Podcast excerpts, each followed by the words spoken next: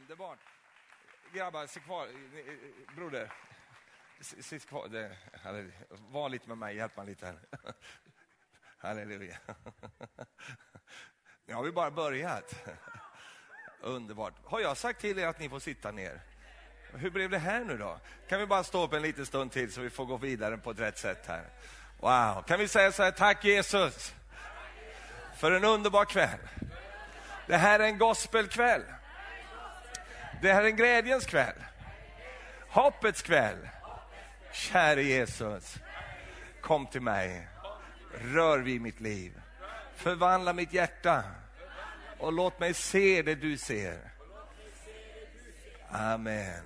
Halleluja, underbart. Titta på din vän som står och sitter där. Ja, alla står visst. Jämte dig säger så här, wow! Kan inte ni... Mm. Alltså, ah, ah. Sådär, va? halleluja. Jag har sett fram emot den här kvällen. Halleluja. Jag hörde att det skulle komma ett gospelgäng här. Det här är ju så underbart med gospel. Vet du varför? Eh, gospel är ju ett rent kristet, kristen uppfinning. Vad jag vet i alla fall. Halleluja. Mm. Och den, den, föddes, jag kan inte hela historien, men, men eh, jag vet något om det. Att den kom ju ur djup nöd. Va? Att eh, människor i slaveri, människor i bundenhet, människor i kamp och, och, och, och lidande på olika sätt valde en alternativ lösning. Säg alternativ lösning. Mm. Ja. Ja. Ja, vi håller på att träna lite här. Jag var i Finland för några veckor sedan och så försökte jag med dem där lite grann och det gick inte alls bra så de fick... Men det här går bra, halleluja. Underbart. Nej, men de, de, de, de valde en alternativ lösning till smärtan, till plågan och till allt detta. Istället för att bli bittra, istället för att bli hatiska, så vände man sin uppmärksamhet till Gud istället. Och så började man sjunga sånger om frihet, började sjunga sånger om glädje. I djup smärta så valde man ändå sjunga en sång om framtid och hopp. Eh, ett alternativt sätt. Säg alternativt. Ja, så, så.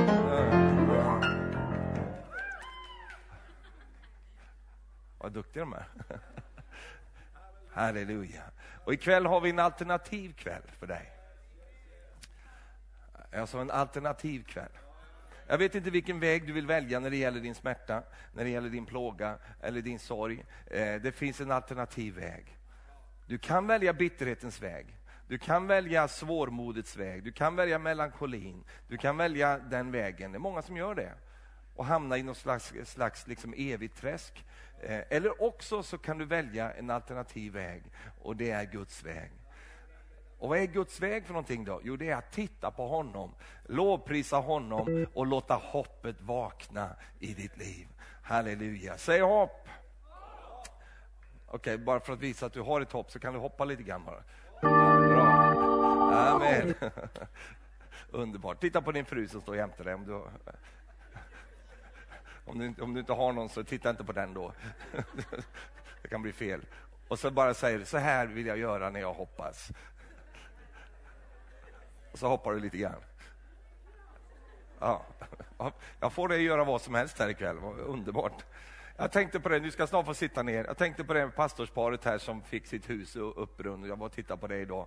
En stor nyhet här i, i, i eh, den här delen av Sverige. Och, och stort uppslag i tidningen och allt detta. Och, och, och, så. Och nu när jag har varit tillsammans med Thomas och, och Maria och familjen, de är ju jätteglada och, och spralliga liksom och visar runt där och, och, i huset där. Hela huset är ju som ett skal. Va? De flesta kanske människor kan känna så här att liksom, det är ju fruktansvärt och det är det ju på ett sätt. Men man kan välja en... Jag sa man kan välja en... Ja, ja så. Halleluja. En alternativ väg. Och den vägen är inte att man bara blundar för att någonting har hänt. Det är inte att man bara struntar i verkligheten och, och, försöker stoppa huvudet i sanden. Utan det är mitt i det där jobbiga så kan man lyfta sin blick och se att det finns en framtid. Det finns en fortsättning. Ett hus kan brinna upp, men Gud brinner aldrig upp. Alltså ett hus kan brinna upp, men, men Gud brinner aldrig upp. Livet kan gå sönder, men Gud går inte sönder. Och så länge han är hel så har du ett hopp. Halleluja. Jag sa du har ett hopp. Amen. Vi ropar tillsammans. Nytt hopp! Säg ropa nytt hopp! Woo! Halleluja! Underbart. Amen. Tack ska ni ha bröd. Det var bara det här jag ville. Underbart. Tack ska ni ha. Jag kanske kallar på er igen, det får ni se. Det, det, det känner ni. Varsågoda, sitt ner. Jag ska tala till er några minuter här ikväll om eh, just detta, nytt hopp. Eh, jag, jag älskar den här rubriken för det här temat, att eh, det, det, vi vill slå an den här tanken att det finns ett nytt hopp. Och Det kan finnas människor här ikväll som känner just precis det här, att ditt hopp på något sätt har försvunnit eh, och det har glidit ifrån dig eller eh, så vidare. Då ska du veta det, att det alltid finns hopp och du säger, men jag vet inte var det är någonstans. Eh, men då har du kommit på rätt plats ikväll. Det finns hopp, kanske inte just i ditt knä just nu eller i din själ, men det finns hopp att hämta och det finns ett nytt hopp för dig i ditt liv. Halleluja. Varför är det här så viktigt för? Därför att egentligen tror jag det är så här, att det är väldigt svårt att leva utan hopp.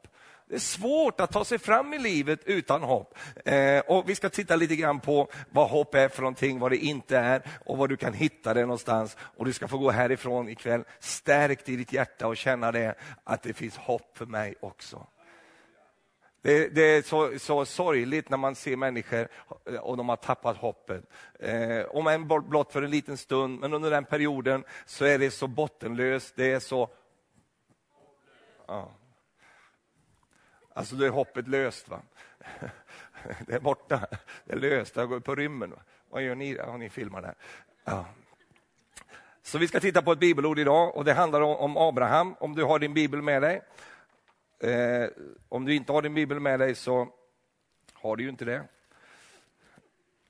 Så då är det inte lätt, men vi, vi får tro att det här, det här som jag läser nu är som jag läser. Det står så här i Romarbrevet 4. Det här talas om, om Abraham. Och det står om honom här. I vers 18, kapitel 4, så står det så här. Där allt hopp var ute.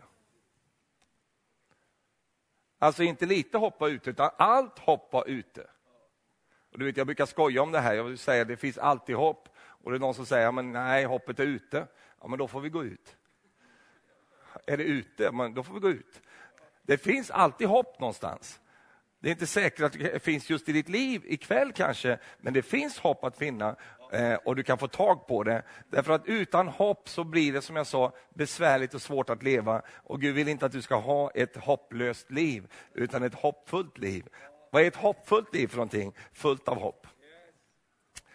Du har fullt av hopp i ditt liv. Halleluja. Vad är hopp för någonting egentligen? Jo, hopp är det den bild eller den dröm som du har angående din framtid. Den talar inte om vad du ser idag, utan den talar om vad du ser framöver.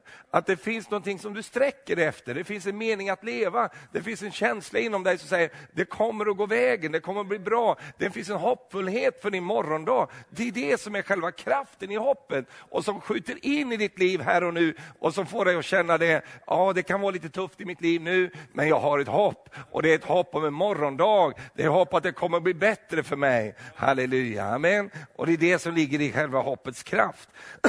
Abraham han, han, han var på det här sättet att det allt hopp var ute så trodde han och hoppades han ändå att han skulle bli en fader till många folk. Och Det står också så här i vers 19, han sviktade inte i sin tro då han tänkte på att hans egen kropp saknade livskraft. Han var omkring hundra år och att Saras moderliv var så som dött. Alltså den här berättelsen är ju så fascinerande på många sätt. Här har du en hundraårig man som har fått ett löfte från Gud att han ska få väldigt många barn.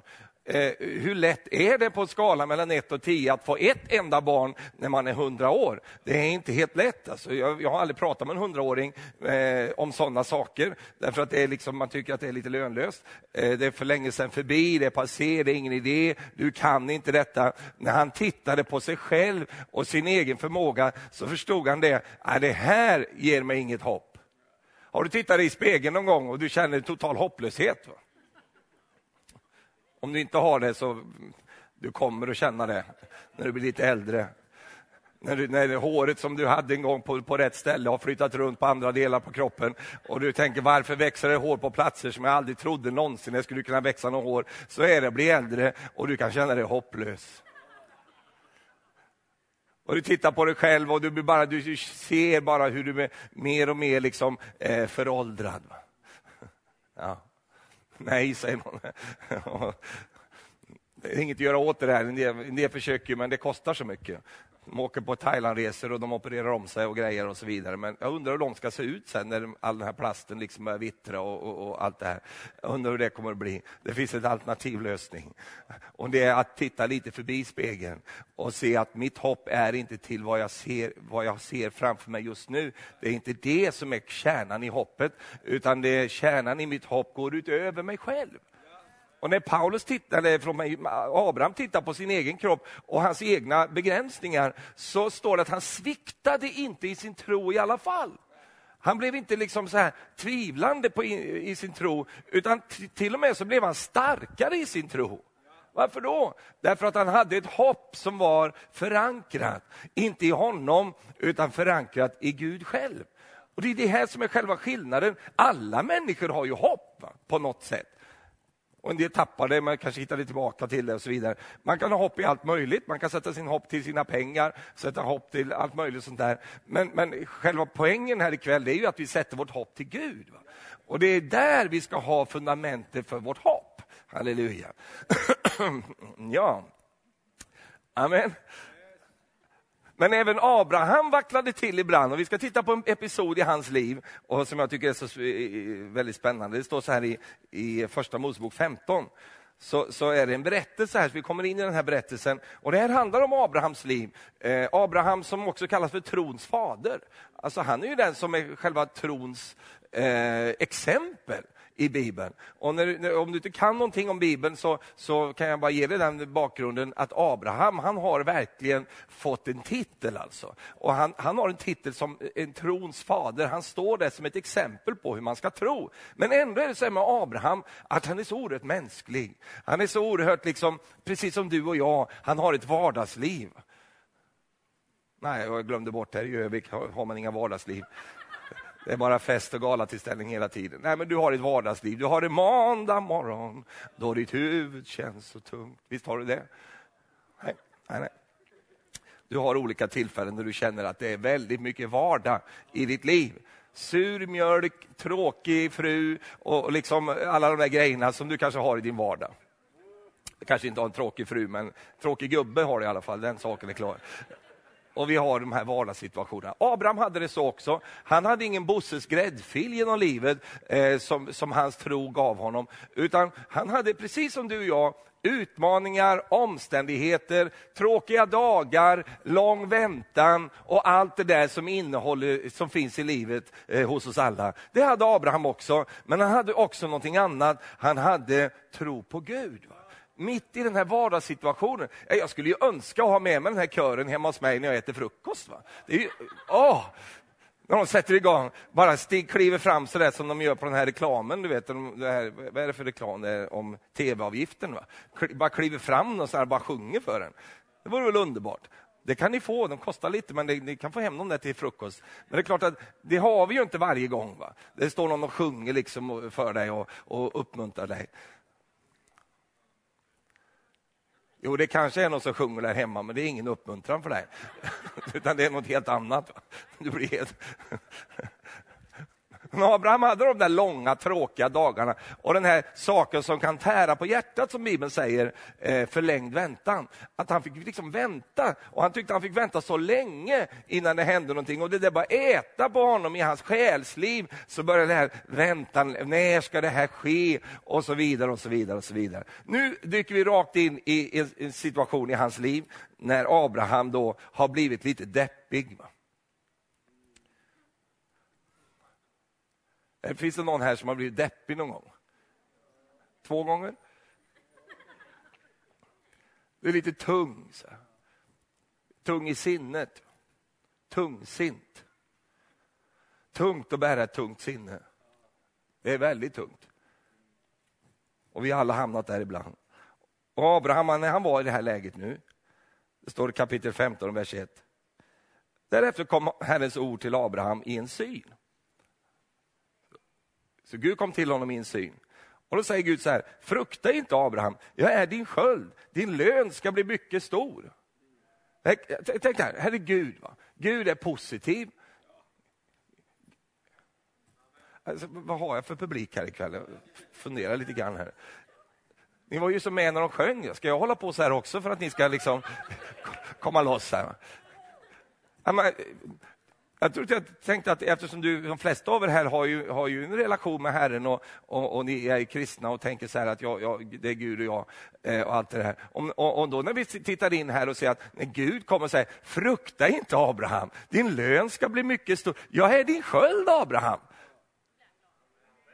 Det, det, blir man väl glad att få höra? Va? Nej, inte i Övika, det blir man inte glad utav. Jo då, det, det blir man jätteuppmuntrad, borde man ju bli i alla fall.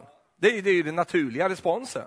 Men det blev inte Abraham, i alla fall inte här på en gång, utan han blev istället sur. Va? står vers två här. Men Abraham sa, Herre, Herre, vad ska du då ge mig? Jag går ju barnlös bort och arvingen till mitt hus är Jesus från Damaskus. Så här är Abraham, nu har han hamnat i ett läge i livet där hoppet är ute.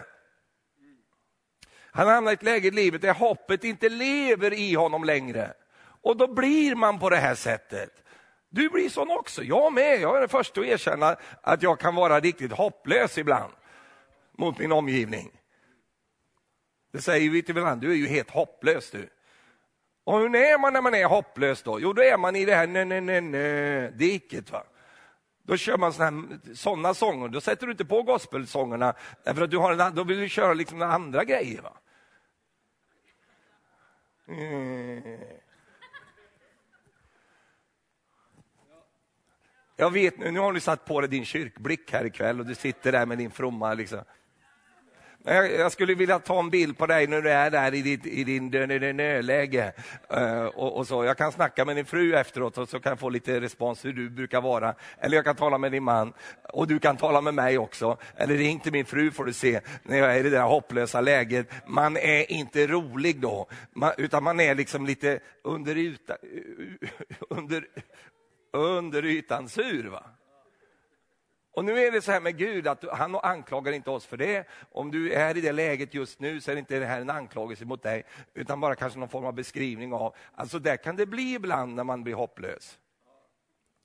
Man tappar liksom någon slags stuns i, i sin tanke och i sin själ. Och så blir man, liksom, man, man målar det mesta i, i mörka färger och, och, och, och, det blir så grått och det blir så trist efter ett tag. Så här var det för Abraham också. Det var ingen glatt sällskap som satt där i tältet, utan det var bara Gud som var glad. Va?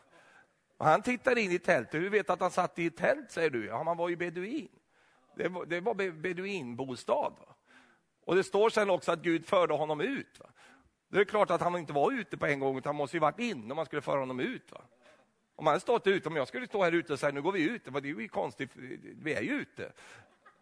Så han var inne, och då förstår vi vad inne var för honom, det var i hans beduintält. Och jag har varit med beduiner, jag har hälsat på dem eh, där i Israel och jag vet eh, hur, hur, historien runt beduinerna eh, och just hur de levde på den tiden. De hade sina tält gjorda av kamelskinn. Och de här kamelskinnen de använder man eh, för att skydda mot solen och, och, skapa värme på de kalla nätterna och allt det här. Och så använder man kamelskinnen till, till att göra tältdukar. Och så tog man den håriga sidan inåt och sen den glatta, liksom, eh, skinnade sidan utåt mot solen. Så när Abraham sitter i sitt beduintält så har han en hårig kamelhud att titta upp på. Kanske svansen sticker ner där, hängt lampan där och, och så. Vet inte, men alltså det, vilka visioner får man där? Va? Och det är mörkt och murrigt där och det är liksom lite diffust och lite så här och, och det är lite rök säkert där från någon eldar lite där och så. Uh, där sitter Abraham och, och han har murrat ihop han har blivit en riktig murvinen. Sitter där och murrar i sina egna tankar, i sin hopplösa känsla att det går inte, det blir ingenting, det, det, och ingenting kommer fungera och så vidare. Inte ens när Gud säger du ska få en stor lön så blir han glad, utan han istället säger vad ska du kunna hitta på Gud? Jag går ju barnlös bort. Till och med Gud har blivit så liten. Hur kan vi bli så här vi människor ibland? Att det verkar som Gud är långt borta och han klarar inte av det någonting och, och, och, han har glömt bort mig och så vidare. Och så man, odlar man den här tanken. Jo, det blir så på det sättet när hoppet inte funkar riktigt i våra liv. Vad ska du då ge mig? Jag går ju barnlös bort, säger han. Och arvingen till mitt hus är Eliezer från Damaskus. Du hörde ju hur tråkigt det här låter. Va? Han har fått en liksom idé, ja det blir Eliezer, får fixa det här nu. För mig har du ju inte gett någon avkomma. Så han anklagar Gud här nu och, liksom, och, och det, det, han är i ett sånt här surläge. Va? Och har vi någon person här ikväll som är i ett surläge så har du kommit helt rätt ikväll. Och nu ska inte jag gå, gå och hämta dig och, så där och liksom ställa fram dig som ett skräckexempel här. Utan jag vill bara säga välkommen till klubben. Vi är alla i surlägen ibland. Den mest optimistiska av oss kan hamna i ett surläge ibland. Jag tror inte att eh, Thomas och Maria att de hade liksom en, Nej, nej, gick in där i den här eh, e-, eldsvådan som de hade. Nu dansar vi lite Maria, nu kör vi på lite här. Jag tror, eh, jag har känt, jag har inte frågat i och för sig, man vet aldrig mer, men, men eh, jag tror inte det. Jag tror heller inte att det var ett surläge, men det var ju inte så jippi liksom, och vad roligt det här var. Det brann den där upp, den, är, den kostade tusen spänn jag köpte. Och den där 10 000, jaha, den brann upp den.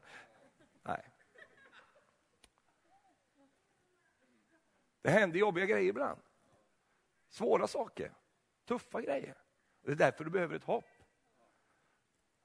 Och vi är inte förskonade någon av oss från svårigheter, utan det kan hända lite olika saker som är smärtsamma och som är jobbiga. Men vi behöver inte tappa hoppet för det. Vi behöver inte låta hoppet försvinna ur våra liv, därför att det är hoppet som bär oss genom allting. Abraham säger, nej men det går inte, det är, det är liksom kört med det här.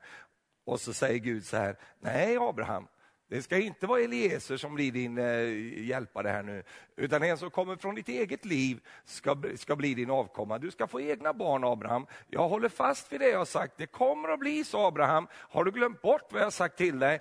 Eller har du tappat ditt hopp? Därför att hopp, min vän, det, det kommer av vad man inte ser.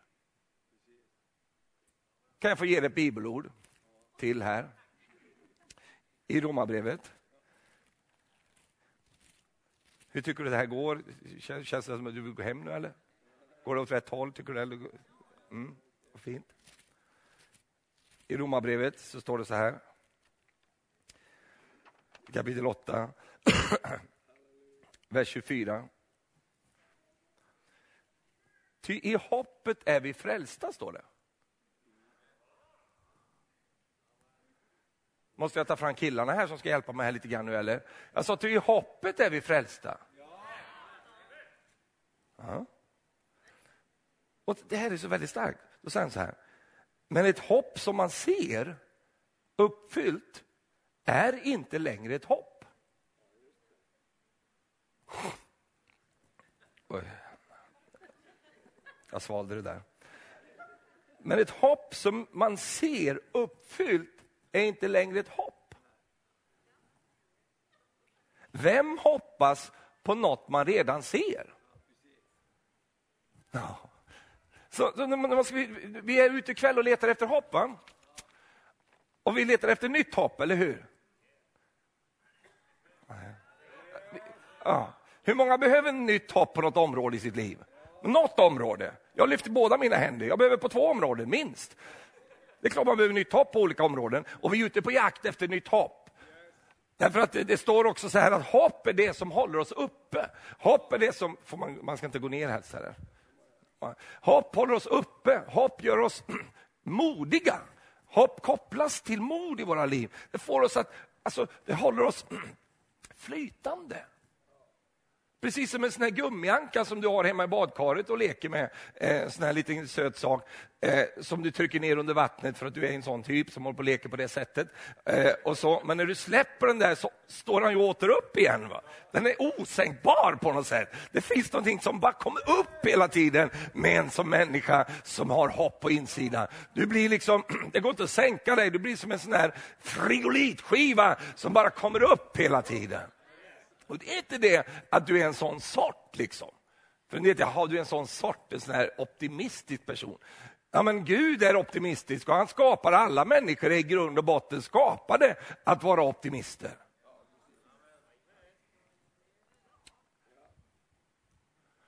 Det är livet som gör oss pessimistiska. Det är händelser i livet och hur vi hanterar dem. Det är det som gör att vi blir pessimistiska. Jag har aldrig träffat en deprimerad bebis. Alltså. Aldrig! Va? Och jag har sett många i mina dagar, mina egna producerade bebisar som, som har blivit stora nu. Och nu har vi barnbarn. Och du, du möter inte en sur liksom, bebis. Va? Bitter på livet. Liksom. Mammas mjölk är äcklig. Liksom. Det finns inte. Så bara så skön liksom. Så här. De kan vara arga. De kan vara liksom sömniga och sådär och allt sådana grejer. Men de är inte så här liksom ne, ne, ne, ne, tungsinta och så här. De, det finns inte hos dem. Sen har de inte speciellt mycket fruktan heller. De ser inte spöken i varenda hörn, va? utan de har en, de har en känsla av, av positiv livssyn. Ja, men det är bara för att de inte vet bättre. Precis. Ditt problem är att du vet så mycket. Du har liksom så mycket erfarenhet. Ja, men jag slog mig på mopeden och nu kan jag aldrig mer åka moped. Och, och sådär. Vi har massa erfarenheter som har på något sätt präglat oss ibland och stulit ibland hoppet ifrån oss. Bara för att det gick åt skogen en, en gång i ditt liv så kan du väl gå till skogen en gång till. Ta en promenad till där. Nästa gång så är det inget spöke i skogen, utan nästa gång så är det bättre.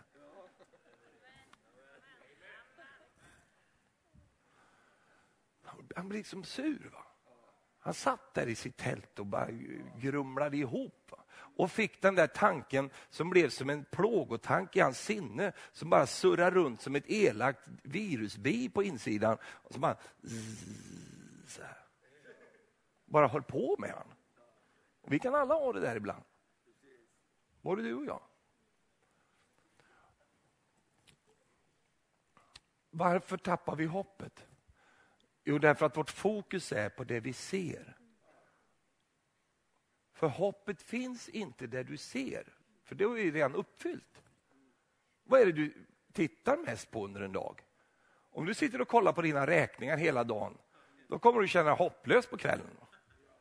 Om du, om, du, om du stirrar dig blind på alla dessa grejer runt omkring dig som du har och som finns där. Jag säger inte att du inte ska titta på det. Det måste du göra. Och Jag behöver inte ens säga att du inte ska titta på det, för du kommer ändå inte lyda mig. Du, du kommer ändå hålla på att titta, för det är mänskligt. Vi är sådana, vi människor. Vi har ju en liten böjelse till det negativa. Och Vi tittar på de där grejerna och vi fyller oss med det. Och då, då händer ju någonting med oss på insidan. Och vad som egentligen händer är att hoppet börjar vandra ut i våra liv. Det var det som hade hänt med Abraham här. Han har ju suttit där i sin beduintält och tänkt dessa tankar och hamnat i dessa det här, liksom, grejerna i sitt liv. Och då står det så underbart om Gud och så säger Gud så här, Abraham, vi går ut istället. Det är bland det bästa du kan göra ibland, gå ut en stund. Va? Lämna det där liksom, jobbiga läget och, och, och gå någon annanstans. Säg till din vän som sitter jämte dig, Ibland behöver du bara gå ut.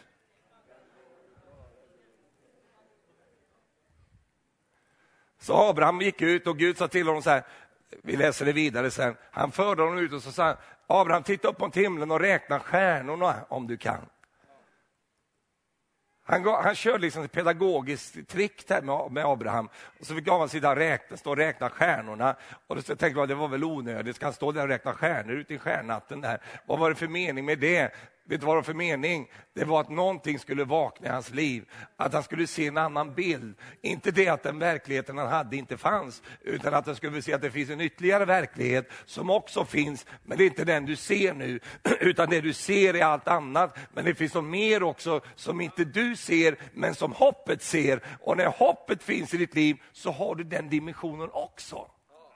Och det är det som är så underbart.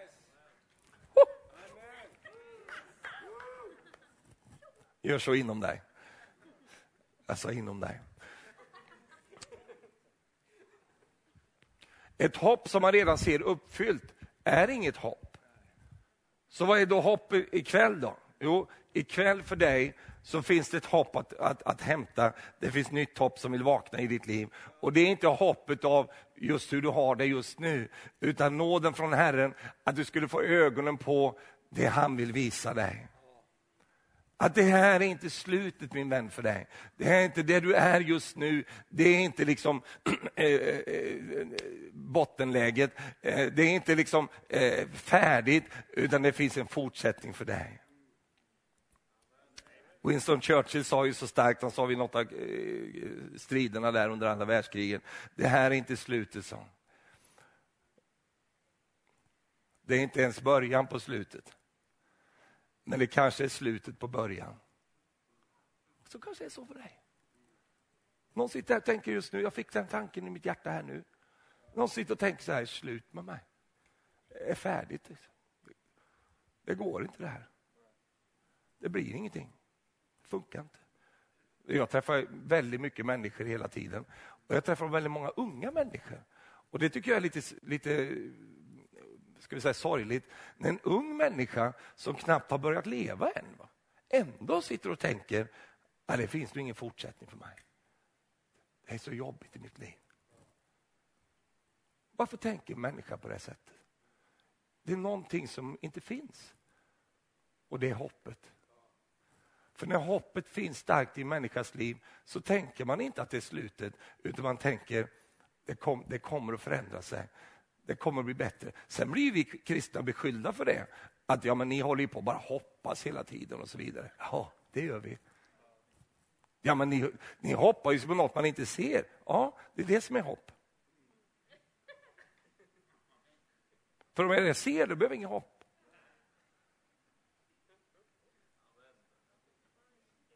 Jag sa inte att det inte finns.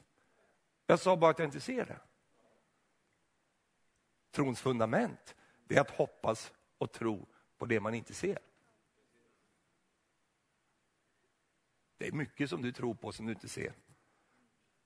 Du tror, på att, du tror att det här mötet ska ta slut. Hur vet du det? Hur vet du det? Det kanske aldrig tar slut.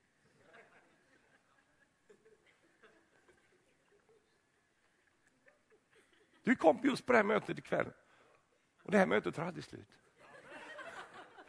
Det enda mötet i ditt liv som aldrig tagit slut är med här ikväll. Hur vet du det? Att det tar slut? Du tror att du kommer leva imorgon. Hur vet du det? Men jag har planer. Jag har planerat att jag ska leva imorgon. Men du vet att du ska leva imorgon. Det kan komma en älgko och springa på dig och döda dig fullständigt när du går utanför butiken här. Kan hända. Ja, men inga kor ute och springer ikväll. Jo. Nattälgar. Kvällsälg. Det kan hända allt möjligt. Du gör plan. En del sitter här, du har gjort en plan för din semester. Koko! Va? Vilken tro du har sitter och funderar på vad du ska fira jul. Vilken familj ni ska vara hos över jul. Precis som om det ska ske. Hur, hur vet du det? Morgondagen har du inte sett. Men du tror ändå. Det ligger nedbyggt, nedlagt i oss människor. Ta bort det här ur människan människa och människan icke vara mer. Det går inte att leva utan någon, någon form av tro. Alla människor tror. Varenda en av oss. Frågan är, vad tror du på? Bibeln säger, jag tror på det jag inte ser. Jag tror inte på sånt som inte finns, utan jag tror på det jag inte ser. Hoppet är knutet till det som man inte ser. Du ser inte himlen idag, men du har ett hopp om himlen. Du ser inte Gud, men du hoppas och tror att han finns. En del säger jag har sett Gud och bara snackar. Ingen har någonsin sett Gud, säger, säger Jesus. Men vi tror ändå på honom. Och på något sätt så har vi fått uppleva hans närvaro och hans beröring trots att vi inte såg honom med de här ögonen. Och därför så är det väl det enda stället i hela världen som man säger till människor, slut ögonen och se. Det är väl ingen vanlig människa som säger så. Nu kan du sluta dina ögon och så kan du se på Jesus. Det går ju inte ihop, men det går väldigt bra ihop för dig och mig. Därför att det är väldigt, lätt, mycket, eller väldigt mycket lättare att se på Jesus när man blundar med de här ögonen. För när du sitter och tittar med de här ögonen, då ser du på allt som du ser. Och det är ju inte där hoppet finns. Titta på din fru, hopplös. Titta på din man, hopplös. Katten, åh, deprimerad. Titta på fågeln, han slutade sjunga för länge sedan, hopplös. Slut dina ögon istället och se på Jesus. Hur kan du se Gud? Hur kan du se Jesus? Hoppet som finns i ditt hjärta. Halleluja.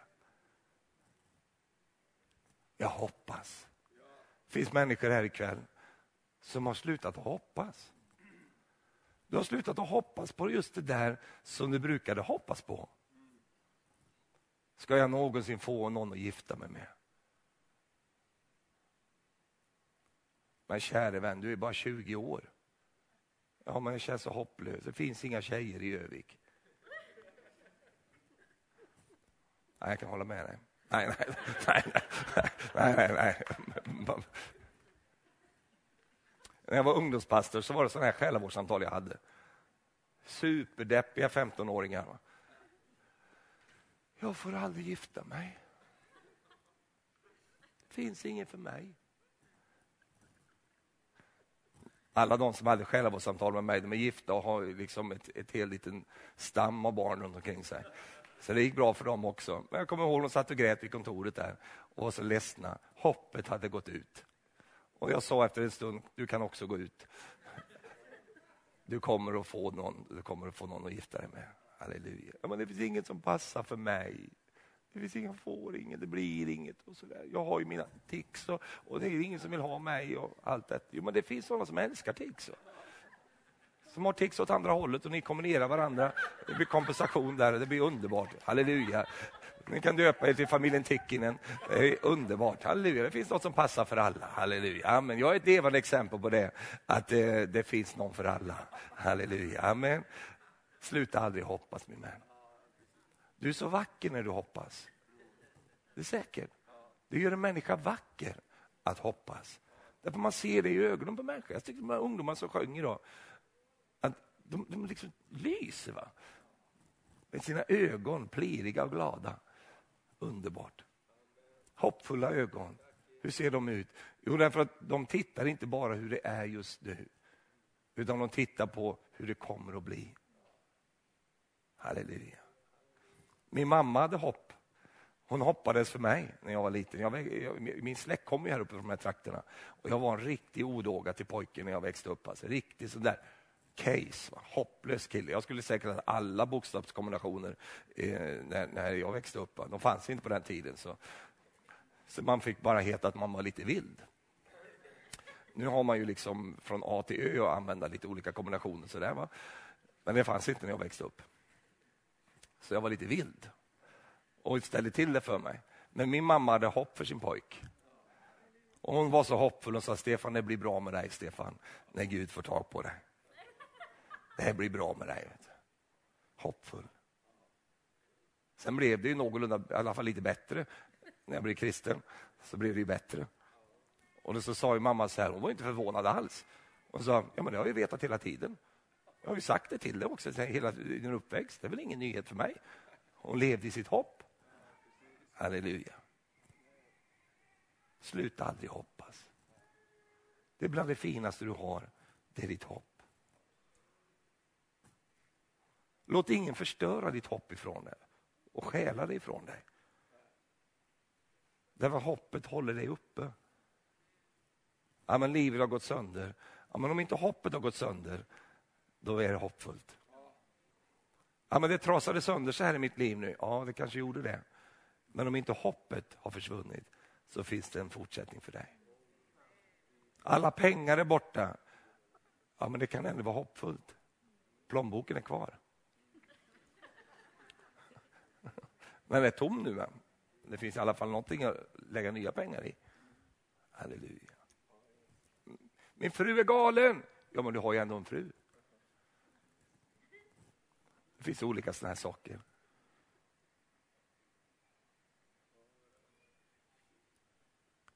Hoppet får vakna i ditt liv. Det är så underbart när hoppet vaknar. När du börjar tänka lite nya tankar. Att, ja, men det, kanske kan, det, ja, det kanske kan bli någonting i alla fall. Det kanske kan finnas en fortsättning. En del blir så hopplösa så de vill ju ta bort sig själva. Det är ju inget ovanligt i Sverige idag. Visst är det märkligt att i ett sånt välfärdsland som vi har i, i, i Sverige och till och med i Norge som är ett av världens rikaste länder och som har fått eh, betyget att de är de gladaste människorna på jorden av en amerikansk undersökning. Jag kan förstå det på det språk de har. Att det, det är glatt allting. Liksom. Där har de en väldigt hög självmordsstatistik i Norge. Hur kan det komma sig att människor som har allt, som har allt så välbeställt och så vidare, ändå väljer den vägen? Det har med hoppet att göra. Därför hoppet sitter inte i pengarna.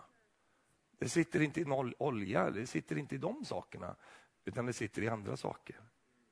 Jag var i Indien för ett tag sedan. Jag åker ofta till Indien. Indien och då träffade jag en, en, en ung, ung eh, kille som bodde på gatan. Han hade ingen adress. Bodde på gatan. Ingen postlåda, ingen e-mail, ingenting sånt där. Bodde på gatan. En del säger så här, fy, liksom, så jobbar så mycket räkningar. Du kan vara glad istället att, att du kan få räkningar. Det betyder att du har någon form av ekonomiskt liv. Den här killen han visste inte vad en räkning var. Han har aldrig fått en räkning i hela sitt liv. Men han var så glad. Vet du. Kanske därför han var glad. han var jätteglad och, så där, och positiv och så vidare. Och i världens rikaste land så finns det många som inte ens vill leva. Varför då? Därför att det handlar inte om hur du har det på utsidan, utan det handlar om vad som pågår här på insidan. Hoppet ska få vakna i många människors liv. ska få vakna i ditt liv ikväll om det har slocknat. Herren är så underbar. Amen. Ska vi sluta våra ögon? Kan ni komma ungdomar här så ska vi bara be för folk här. Och bara prisa Herren en liten stund till ikväll.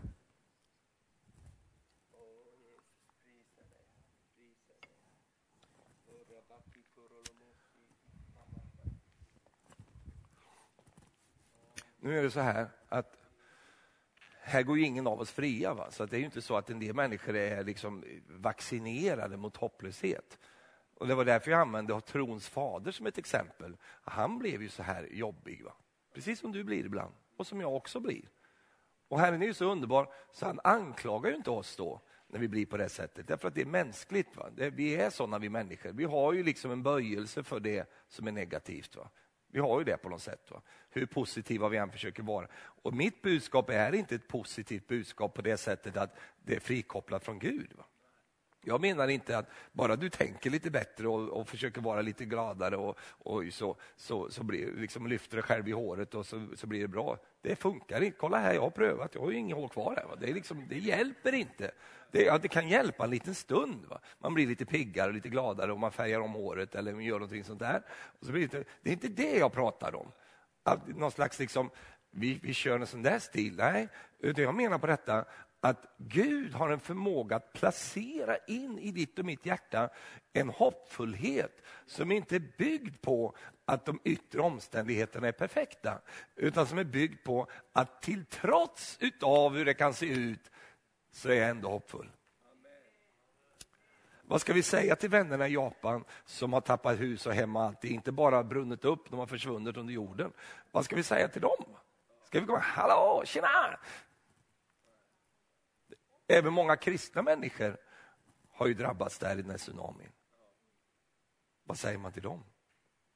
Jo, man säger att det finns ändå en fortsättning. Hur illa det än kan vara så finns det ändå en fortsättning. Det enda som skulle kunna äventyra denna fortsättning det är att Gud också har gått under. Men Gud är inte död, utan Gud lever. Och Han är väldigt aktiv och han är levande här ikväll. När hoppet vaknar i ditt liv, då börjar förändringen. Helt plötsligt börjar du tänka nya tankar. Helt plötsligt så känner du att det spirar någonting på insidan igen. Du vågar ge dig på lite nya projekt och, och du rör dig ut i livet igen. Och det är så underbart, det är så härligt, för det är där du är hemma. Du är hemma i livet. Halleluja. Vi står upp tillsammans. Herre, vi bara tackar dig för din nåd och din härlighet här just nu. Tackar dig Herre för att det finns hopp och välsignelse för var och en Herre som söker dig Herre. Och nu i den här stunden Herre så ber vi dig, kom nära oss Herre, kom, kom till oss ikväll Herre. Jag ber speciellt för de som känner hopplöshet i sina liv Herre. Någonting har hänt, det har pågått någonting som har dränerat dem från hopp Herre. Och Jesus, vi vet precis hur det är, Herre. Vi har alla varit där och vi är där ibland.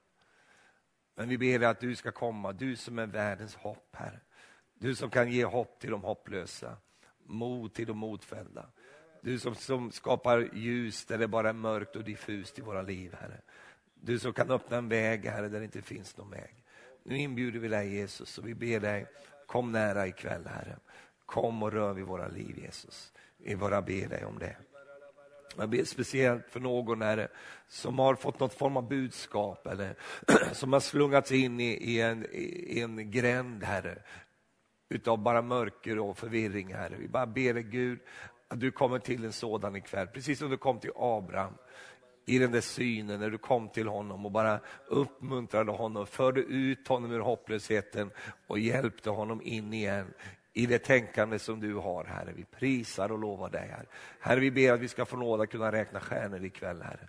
Att kunna räkna det som har med framtiden att göra, det som har med våra liv framöver att göra, Herre. Tack för att du hjälper oss med det, i Jesu namn. Vi ska alldeles strax be för dig, om du är i en situation där du känner, Stefan, be för mig ikväll.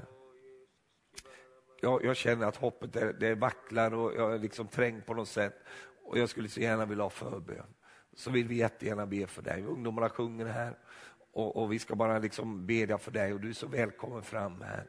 Precis som pastor Thomas sa här, så varje kväll så vill vi vara med och be för människor. Om du inte är van att få förbön eller på det sättet som vi gör det här, så bara våga ta ett nytt steg ikväll och bara kom fram här när vi bjuder in oss så ska vi be för dig. Och vi tror på bönens kraft.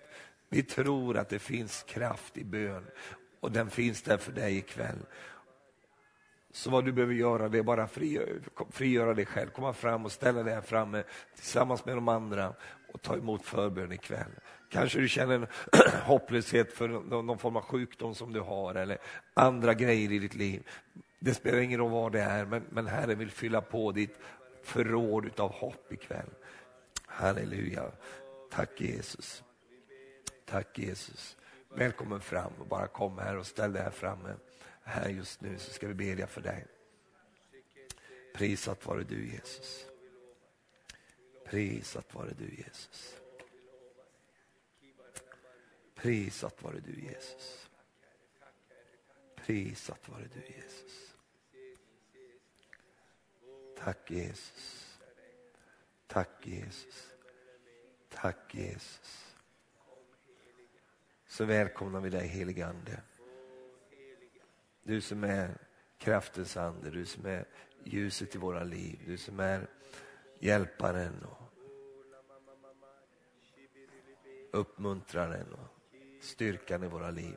Vi välkomnar dig helige Ande. Tack för att du rör vid var och en Herre.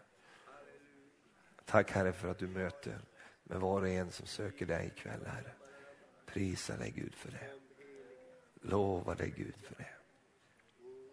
Jag vet själv när jag varit i hopplösa lägen i mitt liv så är det inte de där liksom eh, rappa eller liksom de här eh, liksom klatschiga grejerna som, som, som har hjälpt mig i alla fall. Utan det är den där innerligheten som finns från Herren. Det där hjärtat som kommer och det är Jesus som är vår medvandrare. Jesus som också vet hur det känns, han vet hur det är, han vet, vet precis och han dömer inte oss, han, han anklagar oss inte.